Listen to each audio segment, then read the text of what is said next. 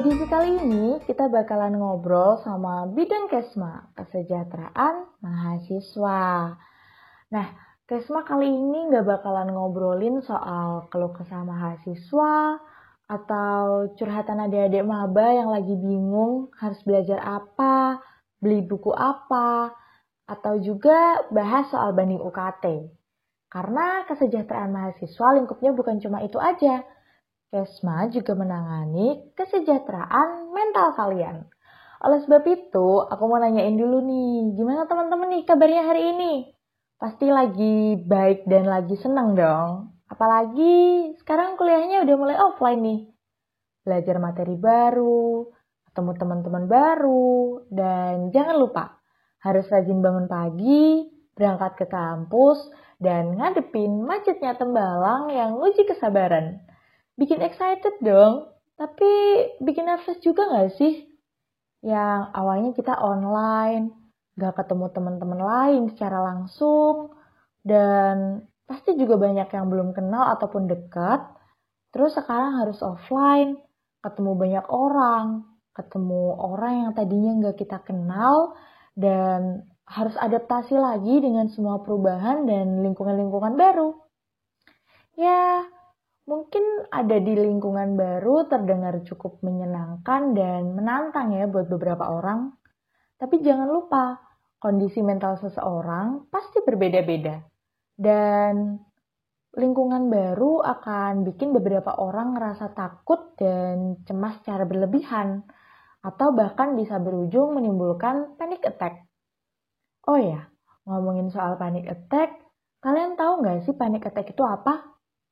Ya, jadi, panic attack atau serangan panik adalah kondisi di mana seseorang mengalami gejala berupa rasa takut dan rasa gelisah secara berlebihan.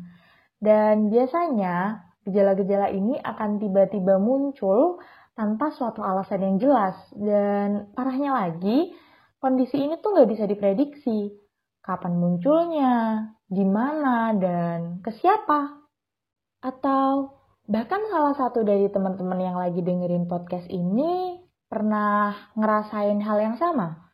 Ngerasa takut, panik, gelisah, atau mungkin ngerasa cemas berlebihan. Misalkan dari teman-teman pernah ngerasain itu semua, aku punya tips and trick nih buat kalian gimana caranya kalian ngehandle diri kalian pas lagi ngalamin panik atau cemas secara berlebihan. Yang pertama, Kalian bisa mulai dengan atur pernafasan dengan cara menarik dan menghembuskan nafas secara perlahan. Yang kedua, memfokuskan panca indera kalian. Misalnya nih, dengan cara makan permen atau dengan cara menghirup pewangian, bisa nyium parfum atau uh, bau-bau enak lainnya. Dan selain itu bisa juga dengan cara, misal kalian lagi di kamar nih, kalian peluk bantal atau boneka kalian secara erat banget. Nah, itu bisa bantu kalian buat ngilangin cemas atau panik yang lagi kalian alami. Dan yang ketiga, dengan melakukan teknik grounding. Jadi, teknik grounding ini dilakukan dengan cara kalian memfokuskan diri untuk menghindari ingatan atau pikiran negatif. Misalnya nih, dengan cara kalian fokus berhitung.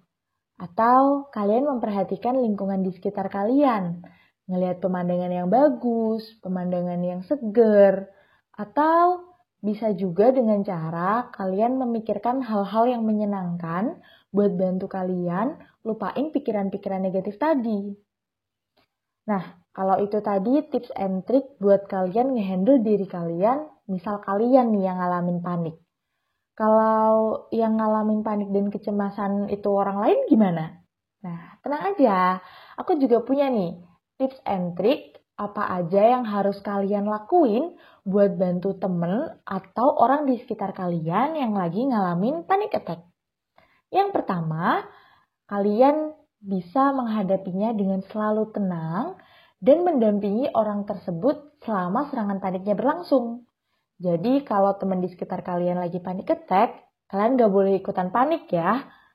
Dan yang kedua, kalian bisa bawa mereka ke tempat-tempat yang jauh lebih tenang atau tempat-tempat yang bisa bawa ketenangan buat mereka.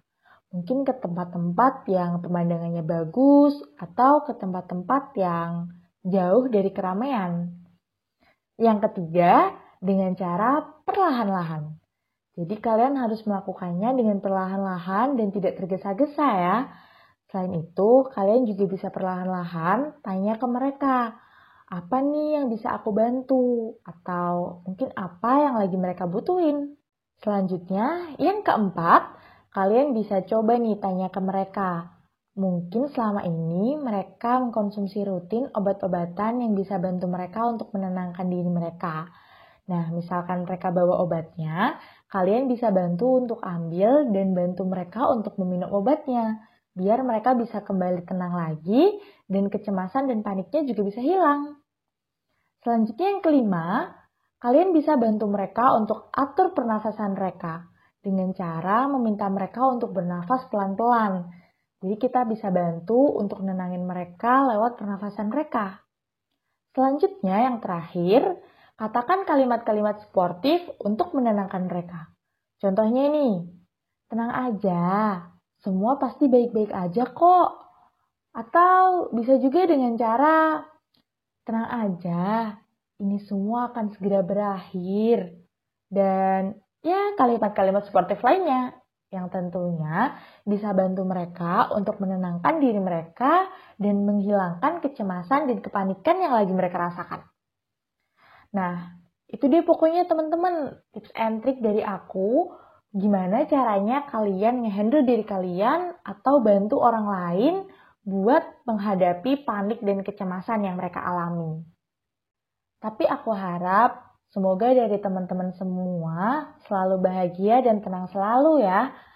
Dan misalkan dari kalian ada yang pernah ngalamin panic attack atau ngalamin kecemasan secara berlebihan, aku harap dengan adanya podcast ini bisa bantu teman-teman buat ngehandle rasa panik dan bantu teman-teman dan orang-orang di sekitar kalian buat ngehandle rasa panik, cemas, dan kegelisahan yang lagi mereka alamin.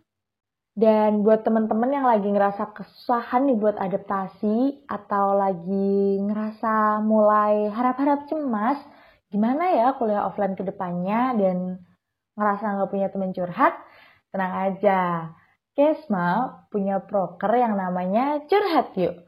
Curhat Yuk bakal bantu kalian buat dengerin curhatan kalian dan ngejawabin apa aja yang kalian curhatin ke admin-adminnya mulai dari curhatan tentang perkuliahan, tentang organisasi, masalah pribadi, sampai masalah percintaan, pasti akan bantu dijawab sama teman-teman Kesma.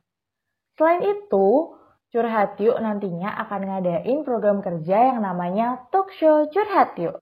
Talk Show Curhat Yuk akan bantu kalian buat ngehadapin masalah kalian dengan ngobrol bersama orang-orang yang lebih berpengalaman dan juga lebih berkompeten di bidangnya tentunya.